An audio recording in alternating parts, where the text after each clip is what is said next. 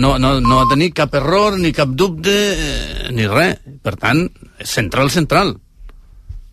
Vull dir, no només trau molt bé la pilota del darrere, sinó que ho ha demostrat. Ja, ja porta, no sé, 5, 6 partits, i ja ho ha demostrat que defensivament ha complert pràcticament en tots els partits que ha jugat. Sí, sí. Jordi, què? Que tu el coneixies ja, però és que ens ha al·lucinat una mica, eh? Bueno, eh, jo crec que és el que, el, el que crida més l'atenció no? és, és perquè aquest prototip de, de centrals que, que, que tenim a la Masia o que, que, que fitxes, tots generalment tenen bon peu i juguen bé a futbol, no?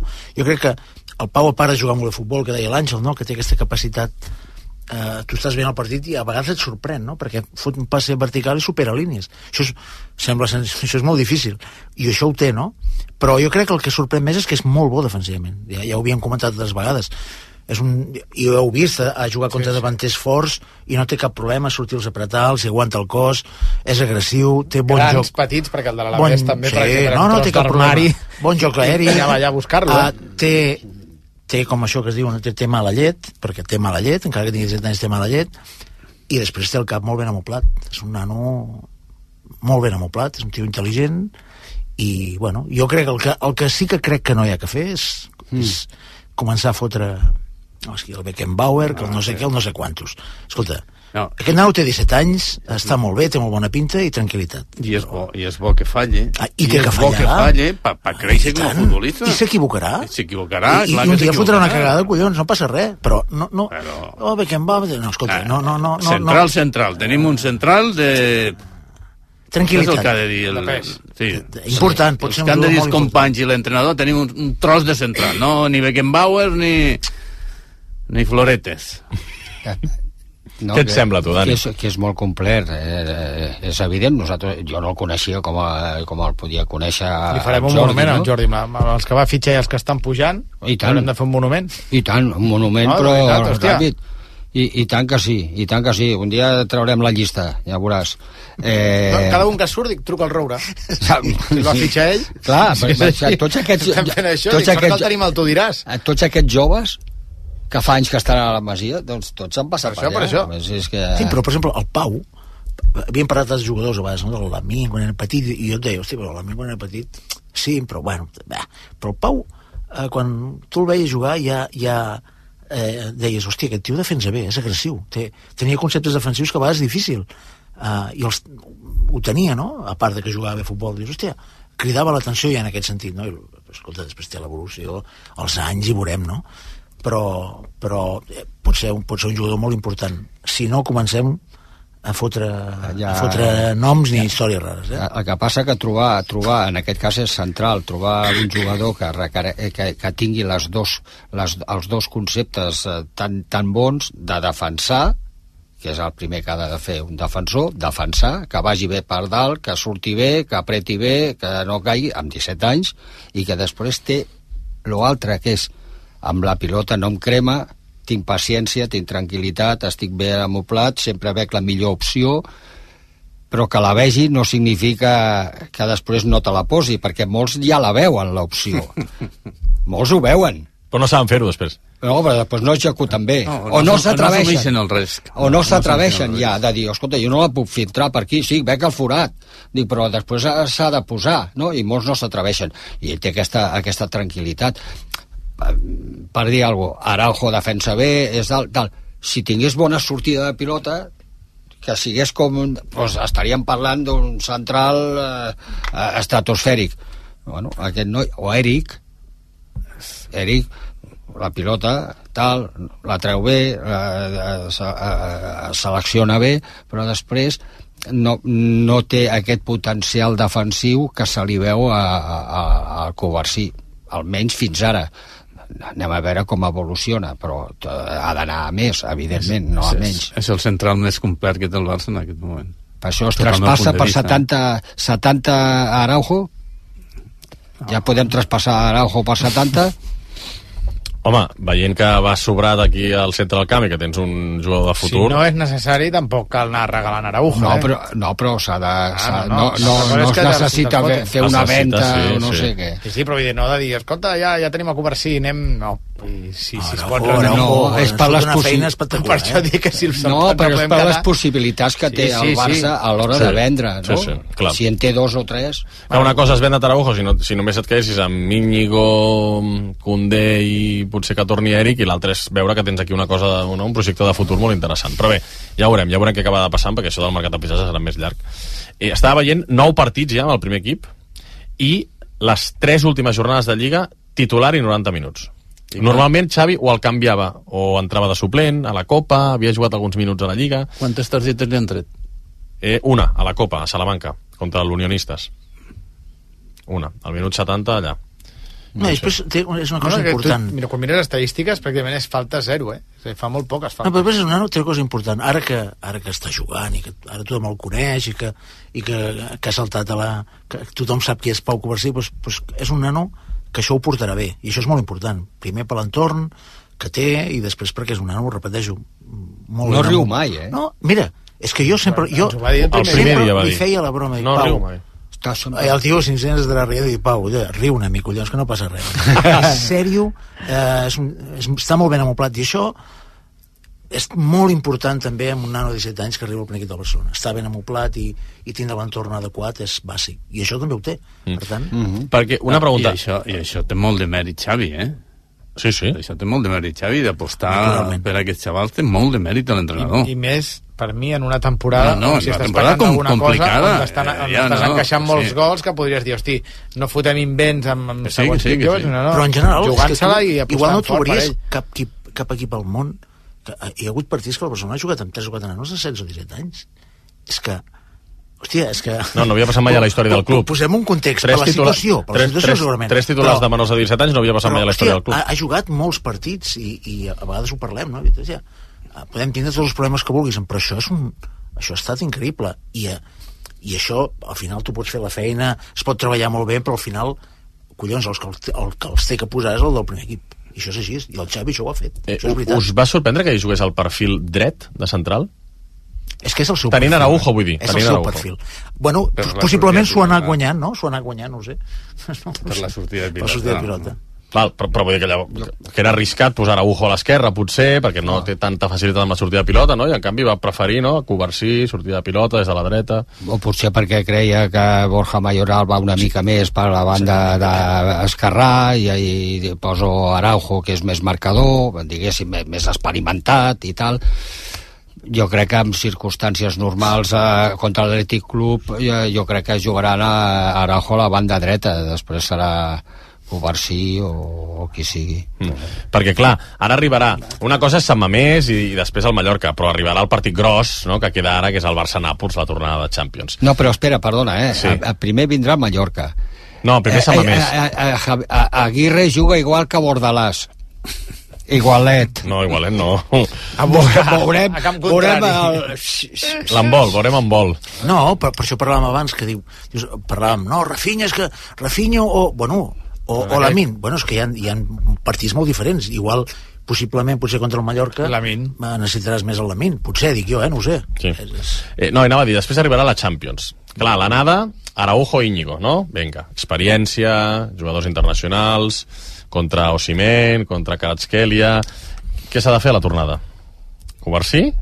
Home, En un partit d'aquestes característiques en què et jugues que seguir viu o no a Europa, sí? El millor en cada posició. No vull dir perquè no va estar malament Araujo i Íñigo. Per mi li fan falta a Íñigo bueno, en el gol. Uh, Íñigo no va estar bé. Amb aquesta acció no pot estar bé. Eh, si un defensor busca l'anticipació, té que tenir el 99,9% de, de possibilitats de- de- d'interceptar la pilota.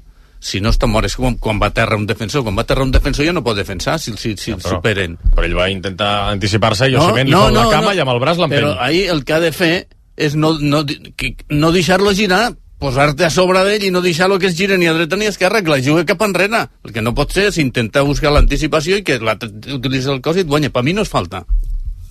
Simplement utilitza el cos.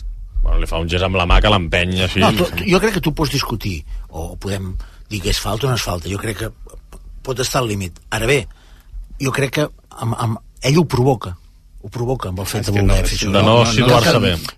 Pot ser falta, eh? però ell la provoca la falta. Ell, si simplement potser hagués aguantat, no, no, no hagués passat, no? Era di- era dins de l'àrea, I pot no? ser Era falta, la eh? frontal. I pot ser falta, eh? No, Era No estava dins. Ell Però crec que estava, ell- ell ho provoca estava allà al límit, sí, crec que estava una mica dins, sí. no ho sé. Bé, eh, a tot això, Covarsí o si Íñigo, està què faríeu? dintre l'àrea encara menys. Per això... Si està dintre l'àrea és que encara si menys. hagués estat a fora Vull i vols, que, vols que a, mi, a mi em sembla un molt bon central, eh? Vull dir que Íñigo crec que ha estat un bon fitxatge, que és un bon jugador, que també filtre bons passes, però en eixa acció jo crec que no va estar encertat.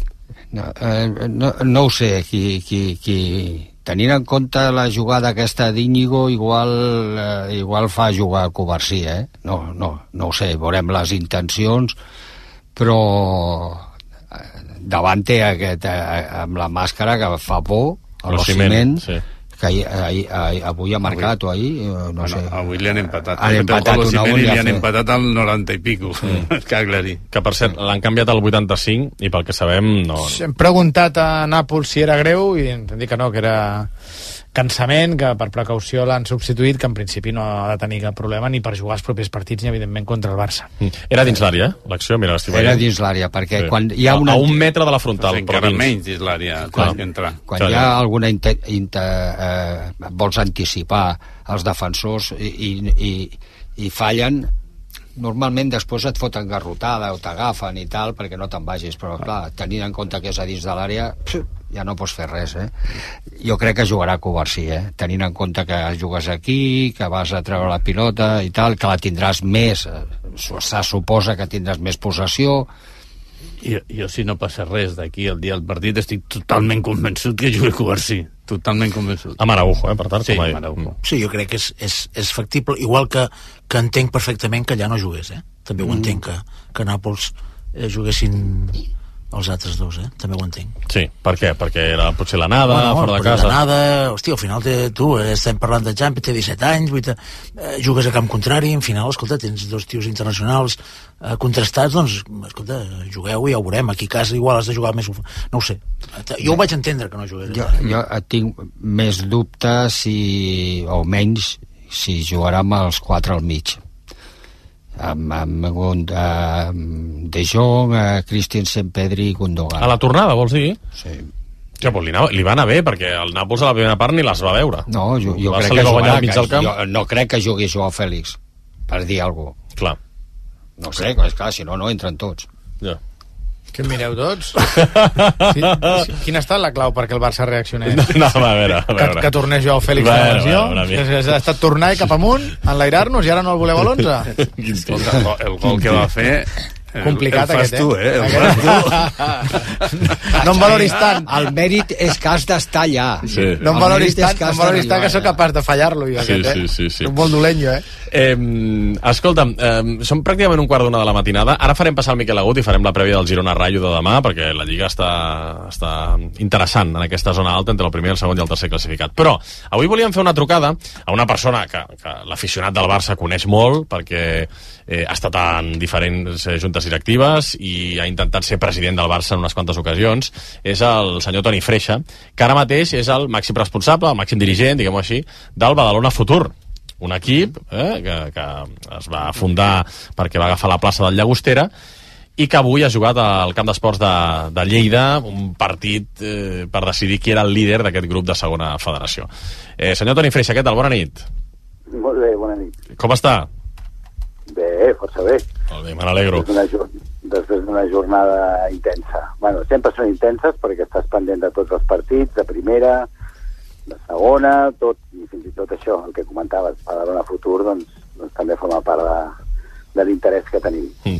A- Ara anem a aquest partidàs avui amb, amb gairebé 8.000 persones al camp d'esports de Lleida, en aquest Lleida esportiu Badalona Futura, en què jugaven el liderat de- d'aquest grup de segona, de segona federació. Però, ara que deia això, està pendent del Madrid-Sevilla, que li ha semblat aquesta victòria blanca, no? Perquè si no, hi, hi hauria hagut jo no sé si emoció, però, però sí, no? Certs, uh, certs nervis a No, no. Madrid, eh? No, no, que no, que no es pensin que ho tenen fet. La Lliga és molt llarga, queden molts partits, queden 12 jornades, i bé, ja, ja s'ha vist avui que el Madrid li ha anat un pèl, no?, i que fins al final no ha tret el partit endavant i, i, que, i, i que han hagut de suar i queden jornades i queden partits i tant de bo que nosaltres siguem, seguim apretant i, i els hi posem difícil, no? Sí, per tant, creu que hi ha Lliga i hi ha Champions, també, o què? I tant, home, que hi ha Champions, això és obvi, perquè, perquè, perquè estem a partir de tornada a passar a quarts de final i després ja veurem el que vindrà. I la Lliga, tot i que estem amb aquests 8 punts de, per darrere, però ja dic, queden 12 jornades, són 36 punts, i tot és possible. Què li està semblant la gestió de Joan Laporta pel que fa al club? Vostè que també ha estat un home actiu no? per intentar ser president del Barça i que ha format part d'alguna junta directiva? No, no, no, jo crec que sigui tant una qüestió de qualificar el president. Eh, jo crec que tot el barcelonisme som molt conscients del moment que està visquent el club, és un moment realment molt complicat. Aquesta temporada, tot i que acabo de dir que tenim l'esperança de que les coses ens vagin bé, doncs cert, certament les coses no, no, no van com ens agradaria. Si parlem de la situació econòmica del club, tothom sabem que és una situació realment molt complicada no crec que, que haguem de personalitzar a la persona de, del president. El Barça, afortunadament, són moltíssims socis que, que ens l'estimem i que volem que vagi bé i tant de, tant de bo que entre tots ens en sortim. Val. Em consta que s'han vist últimament amb el president Laporta, no? Pot ser que hagi estat en un esmorzar, una trobada informal entre vostès? Sí, és que eh, sovint la gent es pensa que pel fet de ser rivals electorals o, o, o haver format part d'equips directius diferents tot i que he de dir que a l'inici del 2003 jo hi era amb ell. Sí. Es pensa la gent que, que, que, que, que hi ha mala relació, no, no, no, el que hi ha és, és, ja dic, coincidència amb ser tots dos culers i voler el millor pel Barça. I sí, ens hem vist i, i bé, va ser una trobada molt cordial, com alguna vegada m'han preguntat, ja ho he dit, i, i res més que això. Mm. Va anar bé, eh, per tant? Van parlar del present, del sí, futur, sí, entenc? Sí, entre, entre culers comentem la situació del club i, i va ser una trobada molt cordial. El va, el va veure preocupat per la situació econòmica, esportiva, o, o com el va veure? Mm, No, home, jo estic segur que ho està, perquè ho estem tots els culers, eh, però el vaig veure també en plenitud de, de facultats per, i amb la confiança que ell sempre té en si mateix, que això és, crec que és una característica molt personal d'ell, no? Ell creu que és capaç de, de redreçar aquesta situació i té esperança i té confiança i jo crec que això és bo, no? Perquè si tu estàs en una situació difícil, el pitjor que et pot passar és que, és que t'enfonsis, no? O que pensis que no ets capaç. Ell, ell s'ho creu i, bé, els que estem a fora no podem fer una altra cosa que confiar-hi. Mm. Eh, L'altre dia crec que va visitar el, el bon amic eh, David Bernabéu, no?, en, un, en, un, en una, no sé, fa, fa una xerrada que es diu La Possessió, allà al diari Esport, i crec que li va dir que, que li havia recomanat un entrenador al senyor Laporta, però que no en diria el nom, no, senyor Freixa? exacte. M'ha recomanat a mi. T'ha recomanat a tu, Pichi? Sí, sí, Hòstia, sí. ja està, ja ho hem... Ja Toni, m'ha recomanat a mi, no? Eh? és clar. Sí, ha, ha, de ser, ha de ser algú que conegui bé el club. Això per, això per començar. Si voleu que us doni una pista, no? Clar. ha de ser, ha de ser, L'Àngel? L'Àngel, per exemple. per Segur això, per això dic que l'Àngel Sí, sí. que, que l'Àngel encaixa perfectament. Escolta, Toni, què veus més factible, la, la Lliga o la Champions? Va? Home, és més factible.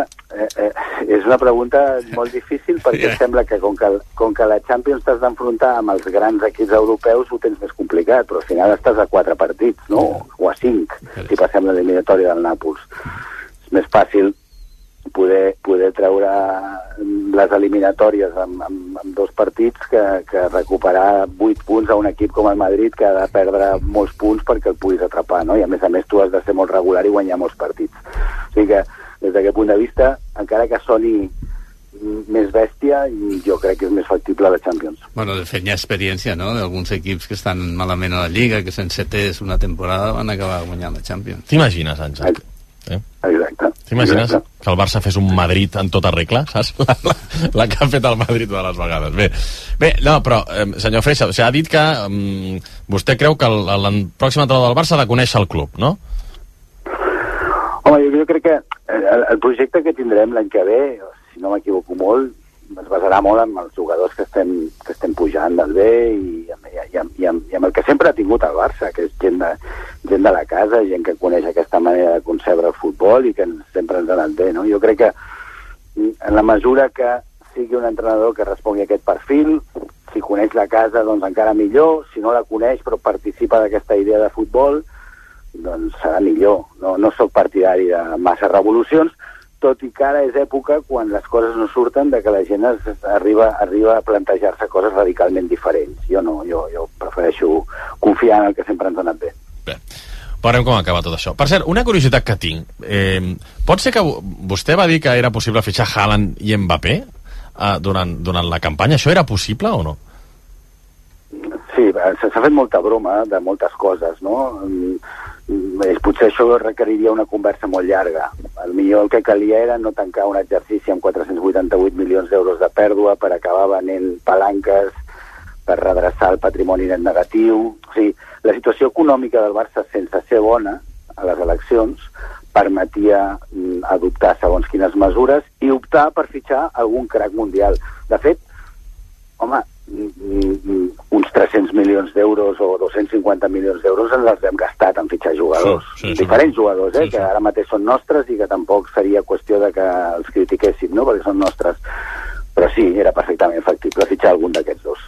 Val, val. val un d'aquests dos, en aquell moment, eh? Sí, dir? Val, sí, val. sí, no, no, no, no es tracta de fitxar els dos, un d'aquests dos. Sí, Val, val, val, val, val. Perfecte, perfecte, queda aclarit. Eh, bé, l'hem trucat sobretot, aprofitem no, que vostè és del Barça i que, i que evidentment segueix l'actualitat del Barça, li, li he fet aquestes preguntes, però l'hem trucat sobretot pel que ha passat avui al camp d'esports. També hi era el nostre company Oriol Jové. Hola, Jové. Hola, bona nit. Què tal? Ben tornat, eh, de Lleida? Gràcies. Molt bé. Ha anat bé la tornada?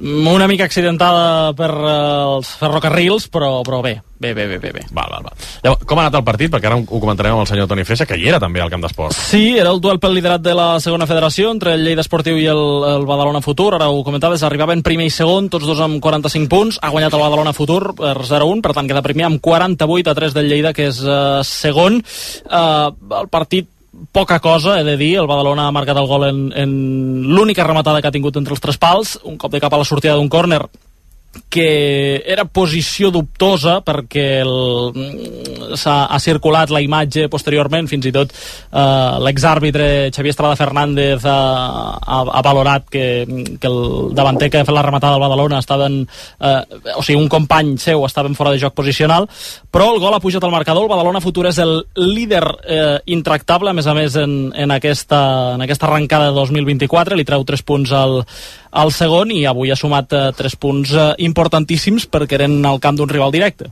Va. Que, que, com ho ha viscut vostè? Perquè, clar, té molt mèrit, no? El Badalona futur, que, que a, a nivell logístic, a principi de temporada no, no podia anar a Badalona, al final va acabar a Vic, i no, i han anat tirant endavant, i ara són líders, avui guanyant el camp del que era líder, situant-se, no, primer, senyor Freixa? Sí, bé, eh, és tal com dius, no?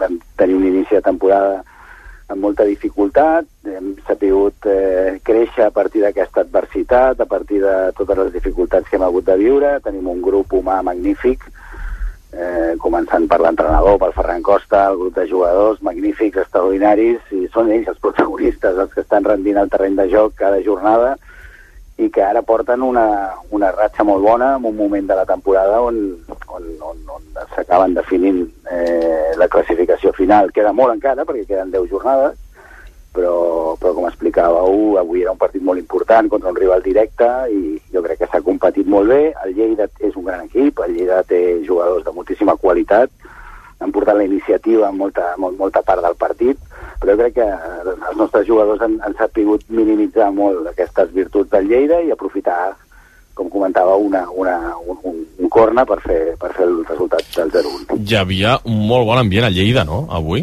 Eh, a més a més, reivindicatiu també, no?, per, per tot el que eh, hi ha al voltant eh, de, del possible futur del Badalona futur.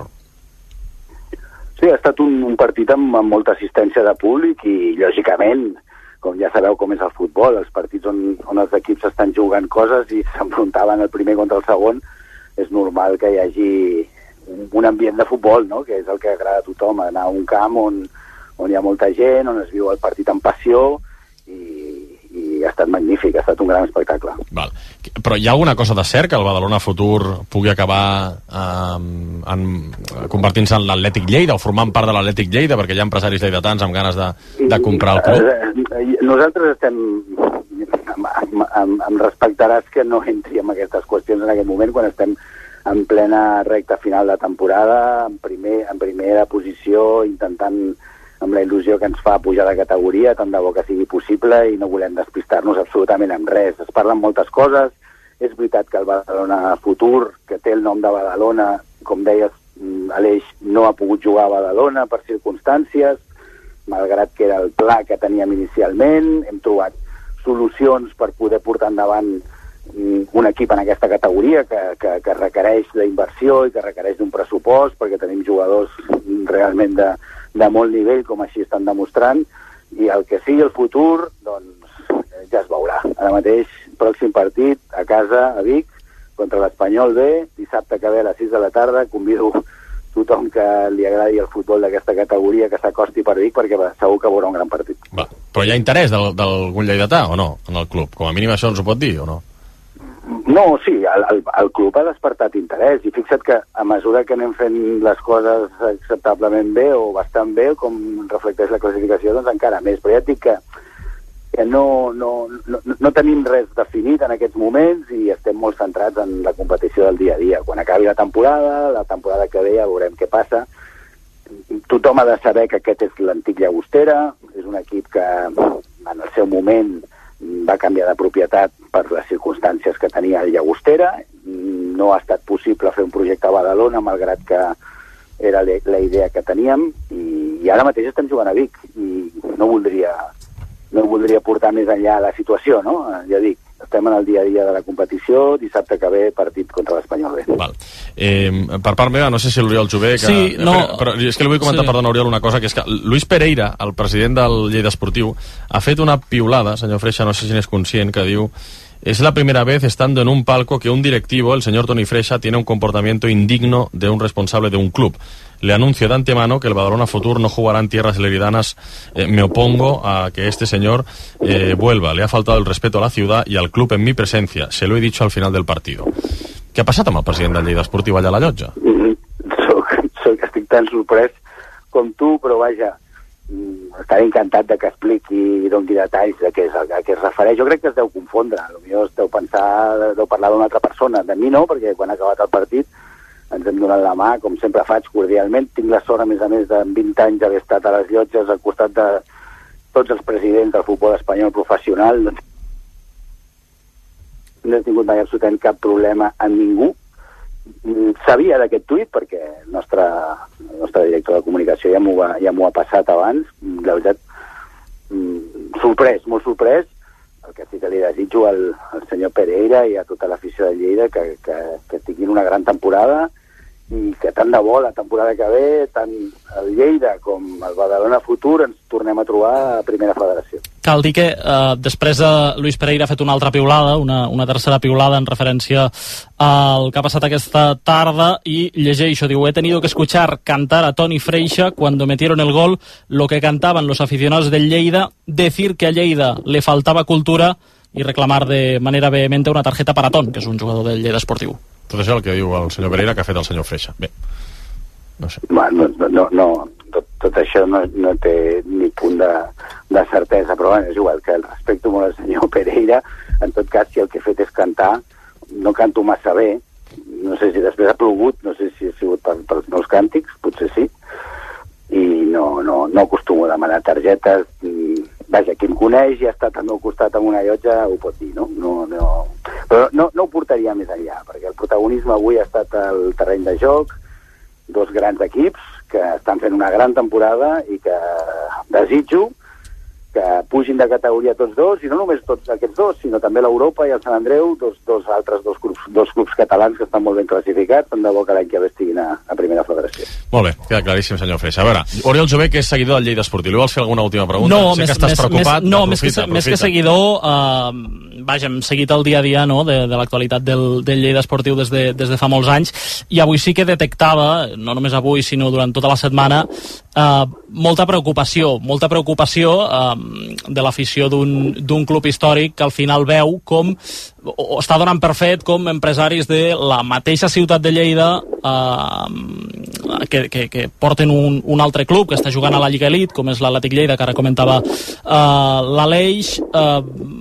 vaja, donen per fet que compraran aquest, eh, aquest equip, el Badalona Futur, que eh, l'any que ve tindrà la seva plaça, segona federació, primera federació, ja molt neguit, avui ho han expressat a, a, la graderia, de fet, eh, més, o sigui, hi han fets que, que apunten cap aquí, és a dir, el, fa una estona també el, el president del, de l'equip que porta la base de l'Atlètic Lleida ha dit primera victòria a casa, comentant la publicació del, del Badalona Futur, per tant, Uh, no sé si uh, senyor Freixa voldria, voldria aclarir una mica la relació que hi ha ara mateix entre Atlètic Lleida i Badalona Futur també perquè eh, és habitual veure eh, personal del, de l'Atlètic Lleida als partits del, del Badalona Futur i si realment doncs, aquesta, aquesta és la intenció, no? que el Badalona Futur l'any que ve eh, competeixi a, a Lleida sota un altre, sota un altre nom.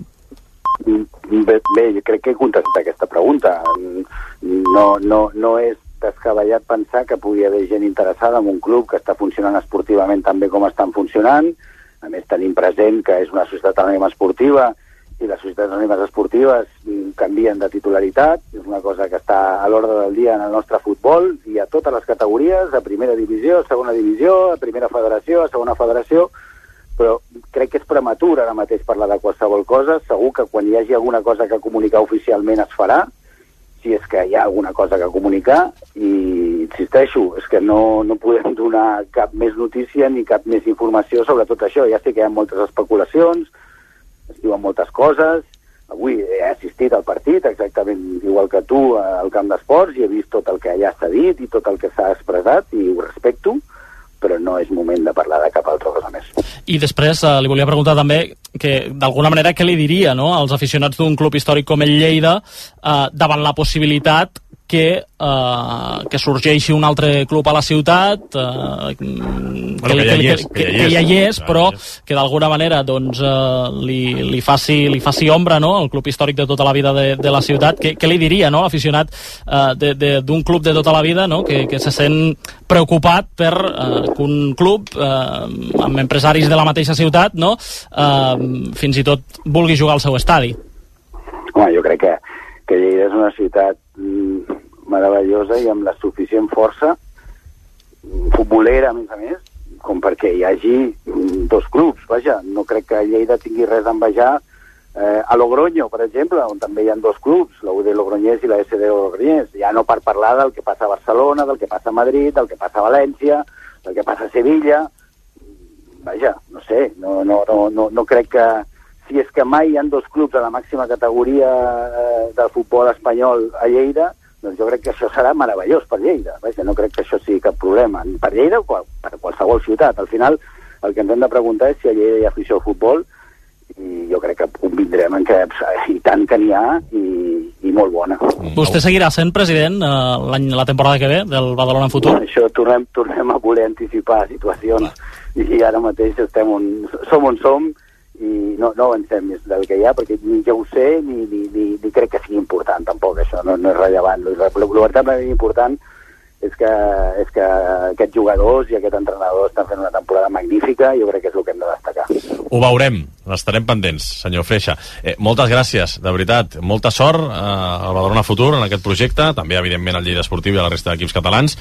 I al Barça, a veure si ens emportem una alegria a final de temporada i ho podem celebrar, senyor Freixa.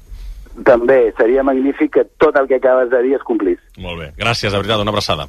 Gràcies, una abraçada. Adéu, bona nit. bona nit. Toni Freixa, eh, en directe al Tu diràs, explicant bé eh, tot aquest enrenou que hi ha a Lleida. A veure, en el fons, és, seria positiu per Lleida que hi hagués dos clubs potents. No hi estic d'acord. No hi estàs d'acord, no. eh? Val. No, no. Al final Lleida és una ciutat que té el potencial que té, són 143.000 habitants, eh, jo crec que no hi ha teixit social ni esportiu per mantenir dos clubs al futbol semiprofessional. A partir d'aquí, dit això, està, evidentment, totalment legitimat i amb la legalitat a la mà pot, pot haver-hi un altre club, pot haver-n'hi 300.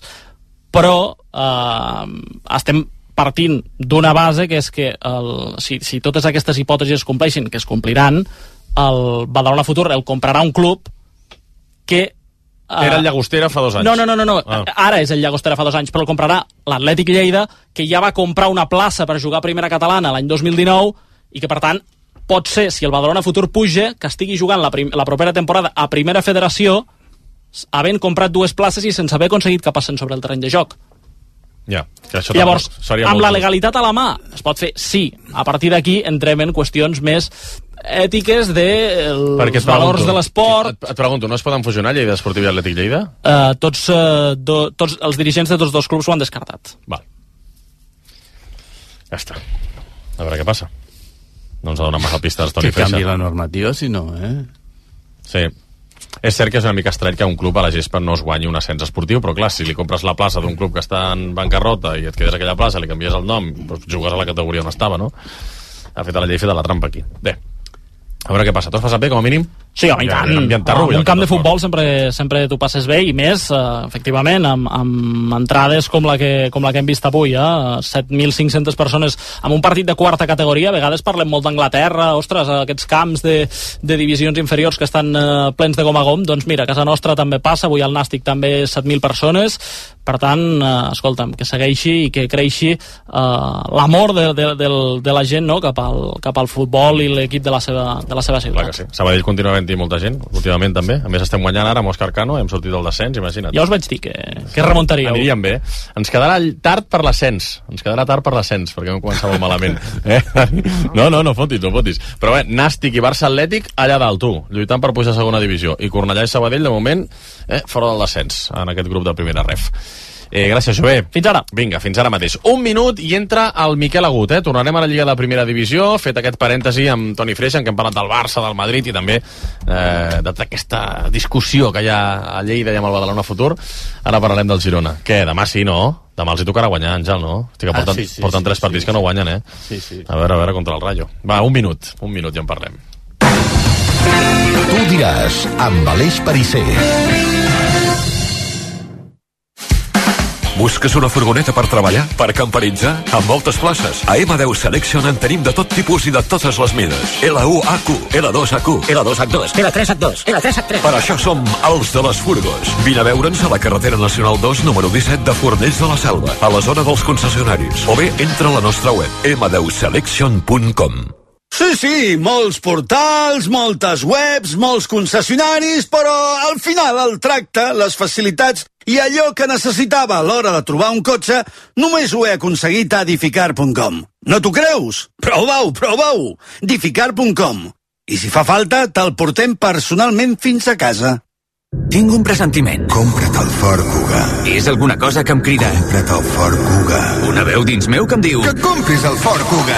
Fes cas al teu instint i aconsegueix el Ford Kuga. L'híbrid endollable més venut a Espanya i Europa, ara per temps limitat a un preu mai vist. També disponible el Kuga híbrid. El que digui el teu instint. Xarxa Ford de Catalunya. A Mundo Deportivo ho vivim tot minut a minut. La tensió de cada jugada. L'adrenalina de cada volta. L'emoció de cada punt. Els nervis de cada final. Mundo Deportivo. Ho donem tot. Escolteu-me bé, vols vendre el teu cotxe?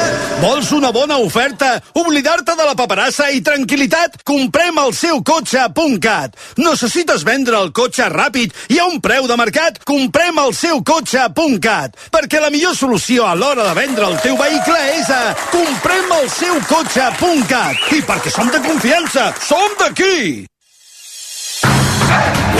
Upon a younger year when all our shadows disappeared the animals inside came out to play. A RAC1 went face to face with all our fears learned our lessons through the tears made memories with Tu diràs, amb Aleix Parisser. one day my father he told me son don't let it slip away. He took me in his arms I heard him say when you get older your wild heart will live for younger days think of me if ever you're afraid he said one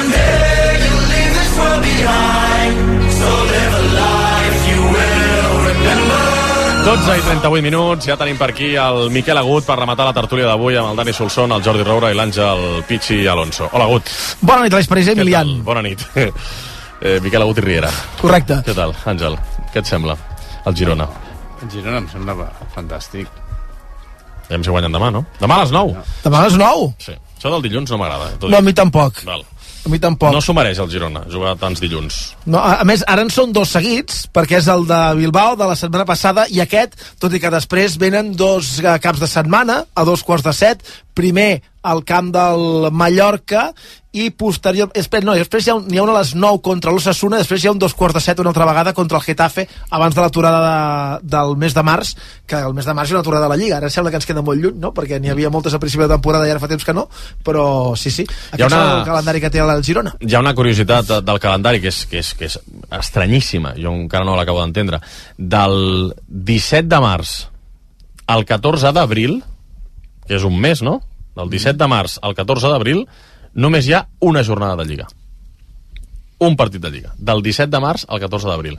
Perquè hi ha dues setmanes d'aturada per seleccions, un cap de setmana que només es juga la final de Copa i que no juga en Lliga, tothom descansa, només es juga la final de Copa el 6 d'abril i després la Lliga es torna a jugar el 14 d'abril. És una cosa raríssima, raríssima. O sigui, ara atapeeixen partits a tot arreu i ara ens passarem un mes del 17 de març al 14 d'abril que només hi haurà una jornada de Lliga, el dia 30 de març. No, jo no entenc res, però bueno. O farem vacances, no? Si la alguna cosa fem així. vacances, no? Sí, algun, dia, què? algun dia descansarem, sí. Va, anem a demà. anem a demà. Eh, vistos els resultats de la jornada, demà es viurà a Montilivi un partit molt important, molt important pel futur de Girona aquesta temporada. Eh? Doncs sí, perquè mira, si el Girona aconsegueix la victòria, trenca amb la pitjor ratxa de la temporada, pi, no, pitjor ratxa, ho dic bé, de la temporada, que són tres partits seguits sense guanyar. A més a més, avançaria el Barça i recuperaria la segona posició i trauria 7 punts a l'Atlètic de Madrid i 10 a l'Atlètic Club de Bilbao, que és el primer que el podria fer fora de la Lliga de Campions. I tot això amb un estadi ple, perquè ja fa dies que es van exaurir les entrades pel partit de demà. Doncs bé, tot i això, segons Mitchell, aquest partit no serà un punt d'inflexió, s'acabi com s'acabi, que marqui la temporada. No tinc la sensació que l'equip demà es jugui més que, que en altres partits, però és el següent i necessitem guanyar en la nostra afició, en la nostra gent, tots junts, són més forts, però perquè és el següent. No, penso que no, no, no marcarà un, un abans i un després de- d'aquest partit.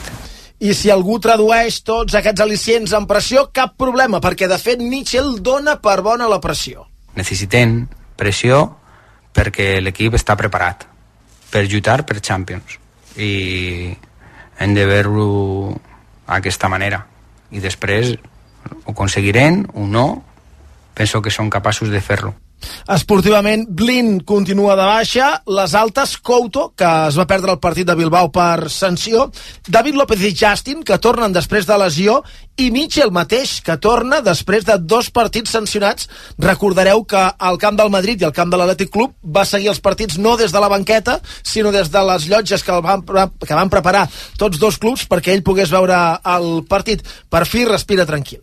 és important per mi perquè fora em sento que, que no estic eh, entrenant, que no estic ajudant al, als jugadors i per això és important per mi.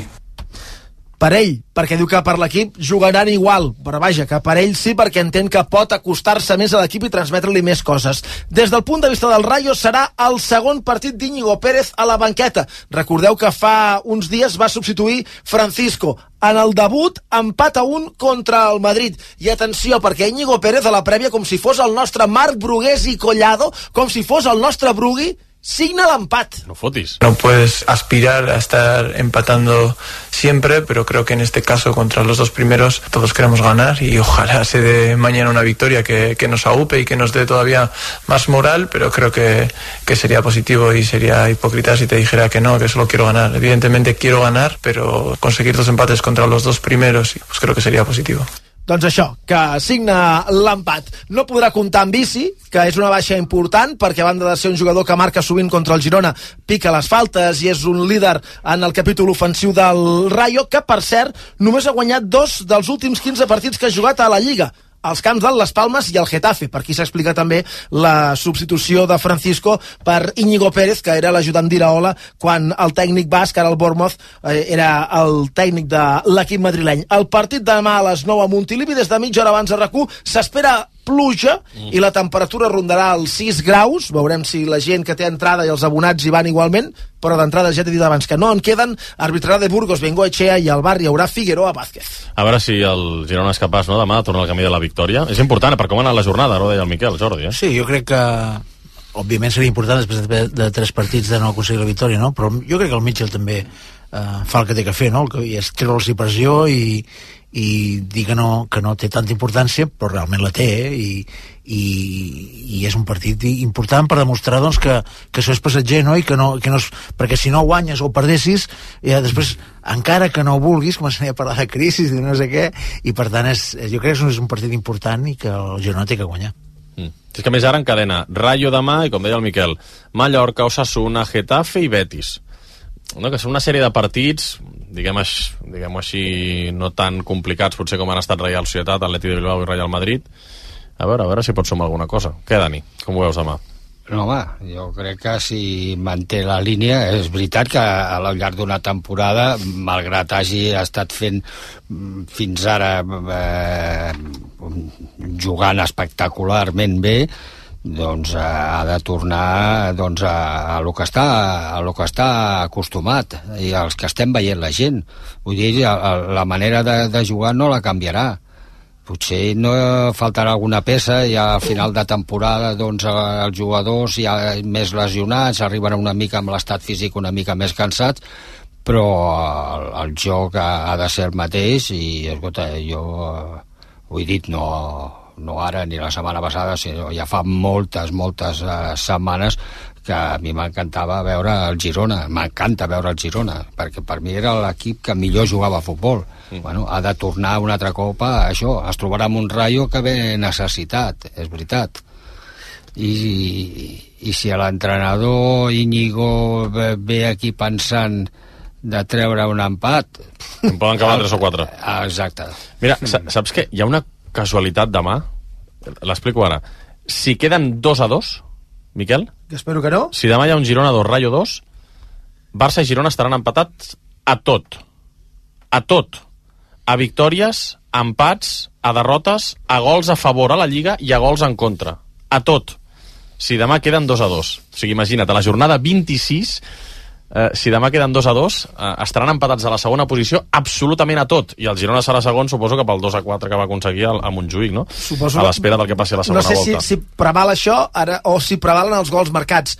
I Ja, estarien empatats a tots. A, Doncs tot, a gols, a favor i en contra, demà, amb un 2 a 2. En tot cas, a, a l'últim precedent, que és del gener a la Copa, va ser un 3 a 1. Targes. A Targes miraríem, potser, si vés a saber. No ho sé, va, va, ser, va, ser, va ser un 3 a 1 a la Copa, l'últim precedent, eh, i el Rayo, esclar, que que ben necessitat, com diu en Dani, però com que a baix avui han empatat el Celta i el Cádiz i no guanya ningú, doncs llavors, si estàs per allà, no acabes de, de patir perquè els de baix no sumen mai de 3 en 3, si sumen, sumen d'un en un, i gràcies. Llavors el Rayo, de moment, té 7 punts de coll sobre, sobre el descens. Si el Girona guanya, i torno, eh? Més 10 sobre l'Atlètic Club, quedaran 12 jornades, serien 36 punts en joc, o sigui que tindries una tercera part de la Champions gairebé la butxaca. I diumenge que ve hi ha un Atlètic Club Barça, amb l'Atlètic jugant dijous la Copa, un accés a la final, vull dir que també aquestes dues pròximes jornades eh, poden acabar de rematar o de sentenciar o de deixar molt encarrilada aquesta classificació per la Champions del Girona. Demà us escoltem a quarts de nou, eh? Aviam, aviam com va, esperem explicar bones Mira, notícies. canta'm un gol com el de l'Edu ahir a Ipurua. Mira, que van així. Ai, que encara guanyarà l'Espanyol! Vallès per l'esquerra! La centrada de Vallès! Controla la bola! Xut! Gol! Gol! Gol! De l'Espanyol! Lazo!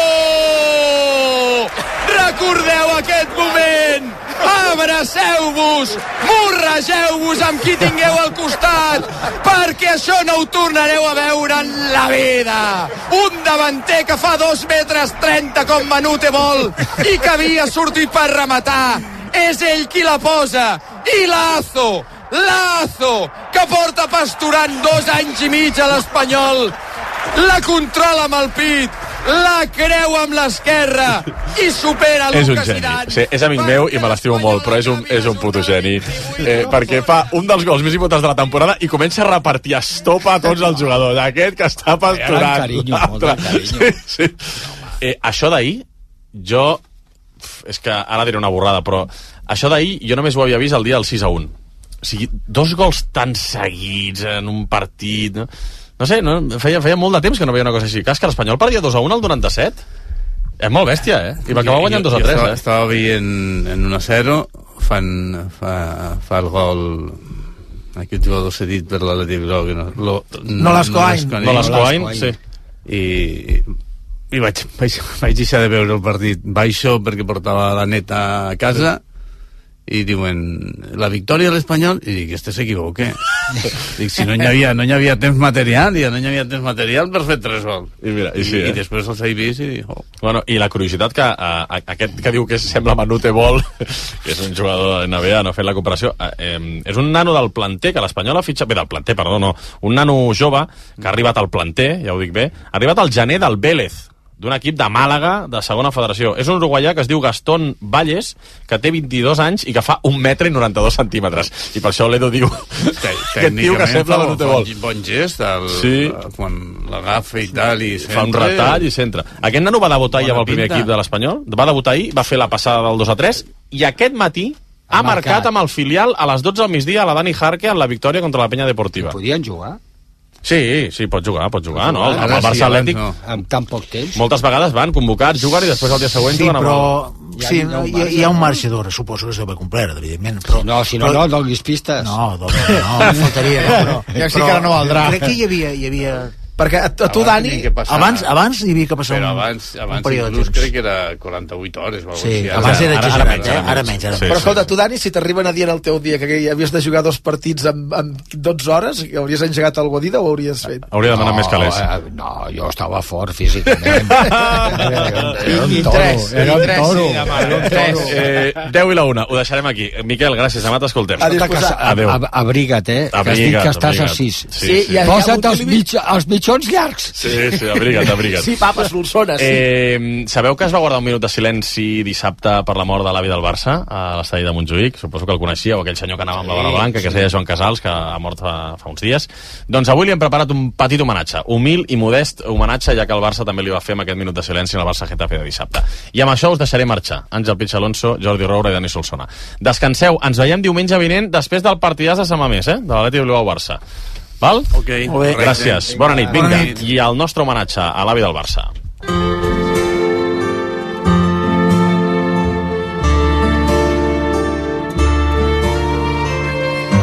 I bueno, va sortir molt per casualitat, eh? Vull dir, una casualitat com un temple, perquè jo era impensable. A més a més, jo no sóc una persona ara potser més, perquè ja tinc tractes, però jo davant d'un micròfon ni pensar-hi de posar-m'hi. Eh, era un home que vivia, vivia això de la, de, de, de la penya i del Barça, un home que no té mai una mala paraula, no ha tingut mai un no per ningú, la santa paciència que tenia, suposo que qualsevol altre ser humà no la tindria la que tenia. Ell era l'avi, però també ens representava amb nosaltres, com representava el poble de Guardiola, cosa que ho ha fet sempre tota la vida. Els jugadors del primer equip, molts jugadors del primer equip, coneixien a l'avi i, i ha estat un ambaixador del Barça.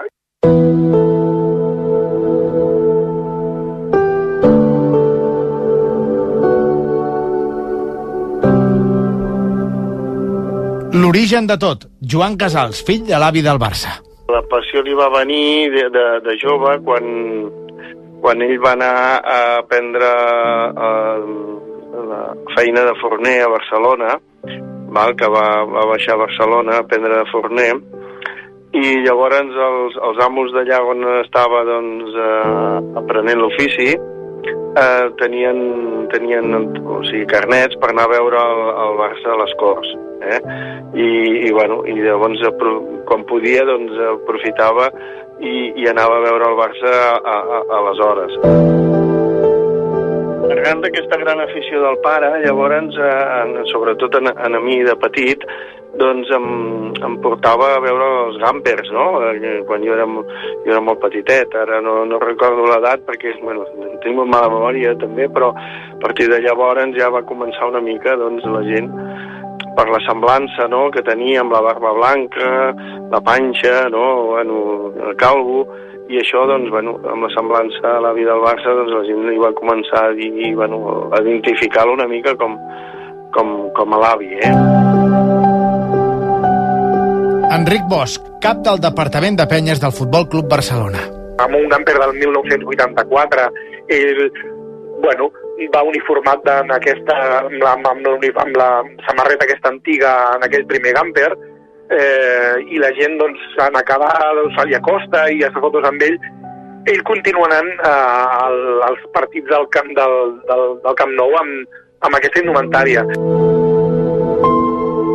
Ja no podia conduir hi havia una persona com és en Ramon Borniol, que, que també penyista, president de la Federació de Penyes de, de, de, de la zona d'on era l'avi, escolteu, l'acompanyava tots els actes perquè mai va deixar de, de, de fer aquesta representació i al Barça estarem, estem agraïts.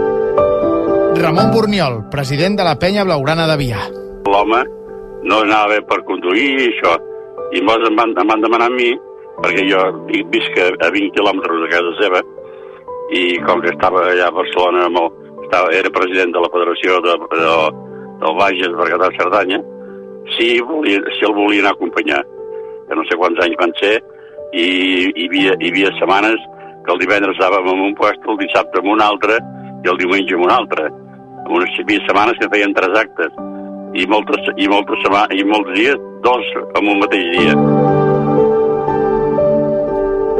Gemma Costa, presidenta de la penya de Guardiola de Berguedà. entràvem a dintre el camp i, i ja de seguida intentàvem poder anar, que pogués anar fins allà al, al local que tenien els, els veteranos perquè almenys reposés una mica, però ell mai té un no per ningú i, i era passar un tros i pam.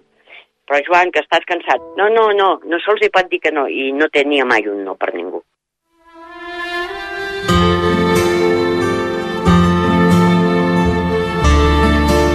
Les anècdotes. Enric Bosch. El Joan no tenia un no per ningú, eh, es feia fotos amb tothom, si calia baixava de l'habitació a les hores que fossin, si li demanaven de fer-se una fotografia. Ramon Borniol. Estàvem a Santander, vam anar a l'aniversari, no sé si era el 25 aniversari de la penya de Santander, i ja a les 4 del matí eh, toca el telèfon de l'habitació. Jo agafo el telèfon, no sé què ha passat, que ha passat alguna cosa. ¿Y qué pasa? Y el de la estación divina, perdone usted, pero es que hay aquí unos señores que se marchan, no sé si invadió Perú o Ecuador, y saben que está el AVI aquí para hacerse unas fotos con el AVI. Dic, hombre, pues son las 4 de la mañana. Eh, por favor, no molesten. I el Joan amb aquestes que es va despertar. Què passa, què passa? Dic, mira, passa això. Tu vés tranquil. No, no, no, no, digue'l sí que baixo, que baixo. Es va llevar, es va vestir, va posar la barretina i la camiseta i se'n va baixar baix a recepció a fer-se una foto amb aquests, amb aquests dos senyors que marxaven cap al Perú. Joan Casals. Va anar un dia que anava al, al camp, um, va aparcar per allà a, a, a la vora del camp i, i, els, i els municipals de, de, de Barcelona el van multar i quan va arribar al camp ho sabia tot el camp, perquè havia sortit algun dia havia vist per la ràdio, no sé què, havien vist i tothom que era allà al camp i deien, Jovi, què, t'han multat, eh? I dic, carai, m'acaba de passar, ja ho sabia tothom, no?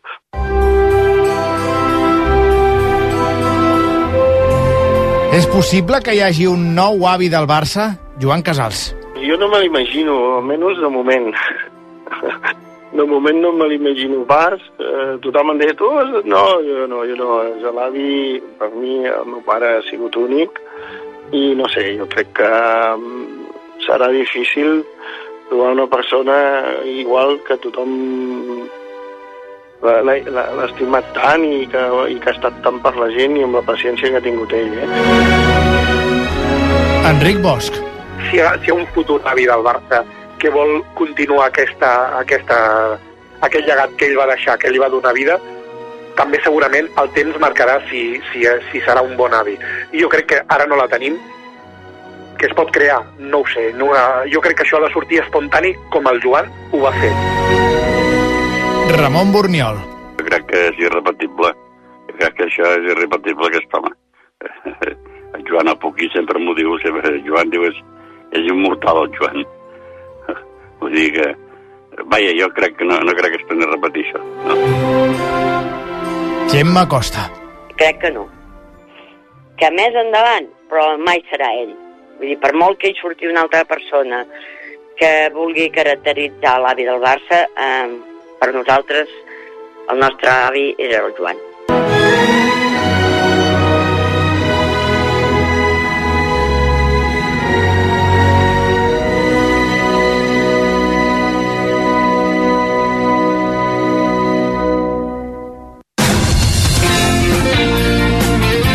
RAC1. Comença el dia amb molta energia a Basic Fit. A casa o al gimnàs de la cantonada. Apunta't i ara. Gaudeix de 4 setmanes extra i emporta't una motxilla. Senta't bé i fes del fitness el teu bàsic. Només queden 5 dies. Basic Fit. RAC 1. Tots som 1.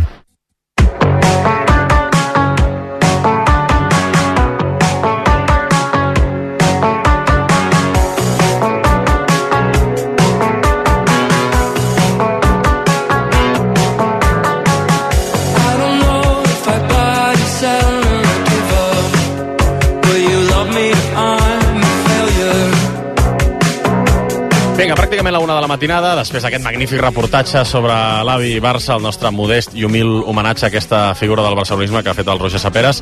Eh, abans de marxar, una mica de bàsquet. Hola, Dani Aguilar, què tal? Bona nit. Hola, Aleix, bona nit. Som a hores, eh, a poques hores d'una de les rodes de premsa més esperades i importants de la temporada en clau Barça, que és la presentació oficial de Ricky Rubio com a nou jugador blaugrana, demà a l'Auditori 1899, a partir de quarts d'una del migdia. Eh, entre altres coses, se li podrà preguntar, per exemple, com està físicament, perquè compta, eh, ho hem explicat durant el Superesports, avui no ha jugat la segona part amb la selecció espanyola en un partit a Bèlgica perquè té una sobrecàrrega, oi, Dani?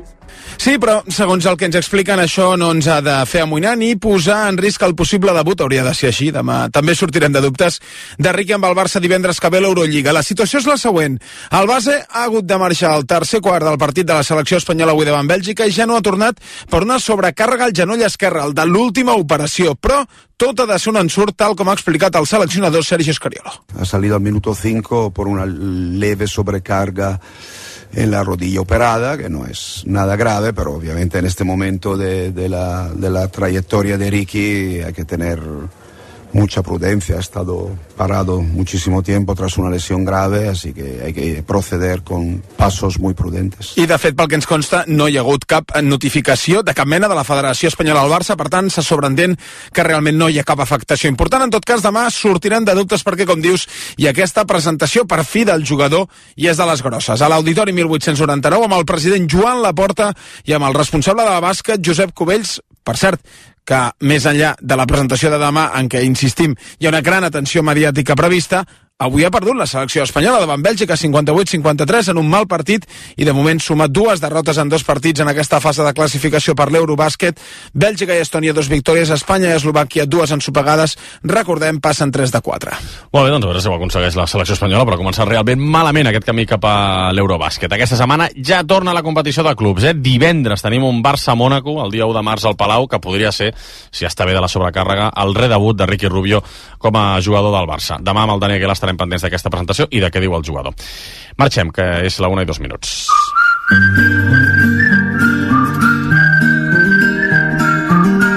Abans farem un cop d'ull ràpid a les portades que trobareu demà als quioscos amb la nostra estudiant en pràctiques al cap de setmana, la Janire Gallut. Hola, Janire. Bona nit. Què tal? Bona nit. Què diu la premsa aquest dilluns? Doncs mira, la premsa catalana Mundo Deportivo titula Lamin XL, fent referència que ha cascut uns 2,5 centímetres i ha guanyat 7 quilos de massa muscular, déu nhi L'esport parla del fenomen Covarsí, igual que l'esportiu, que el titula en fusta de líder, fent-se ressò d'aquest gran partit que va tenir eh, Pau Covarsí ahir, i pel que fa a l'As i al Marca, tots dos amb protagonista veterà, en lloc de jove en aquest cas, perquè parlen d'Etern i el que sap, sap, fent referència a Luka Modric i el gol que ha fet avui davant el Sevilla. Portada pel futbolista croat, que avui ha donat els 3 punts al Madrid, que segueix líder de la Lliga. Magnífic, Janire, gràcies, a descansar.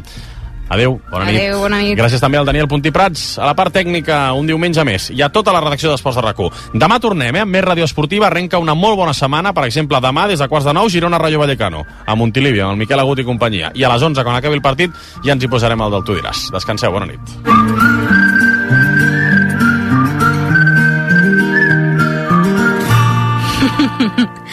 Tu diràs. RAC 1. Notícies. Agustí Serrat. Bona nit, passen 3 minuts de la una. Aquest dilluns obre portes a Barcelona el Congrés Mundial de Mòbils, en una edició en què els organitzadors esperen apropar-se als 100.000 visitants, una xifra similar a la del 2019, que és la més multitudinària fins ara. La fira ocuparà els 8 pavellons de Fira Gran Via i reunirà 2.400 expositors, entre ells grans marques com Samsung, Nokia, Huawei, Xiaomi, Meta, Microsoft i un llarg etc. Es calcula que el Congrés Mundial del Mòbil deixarà un impacte econòmic de més de 460 milions d'euros.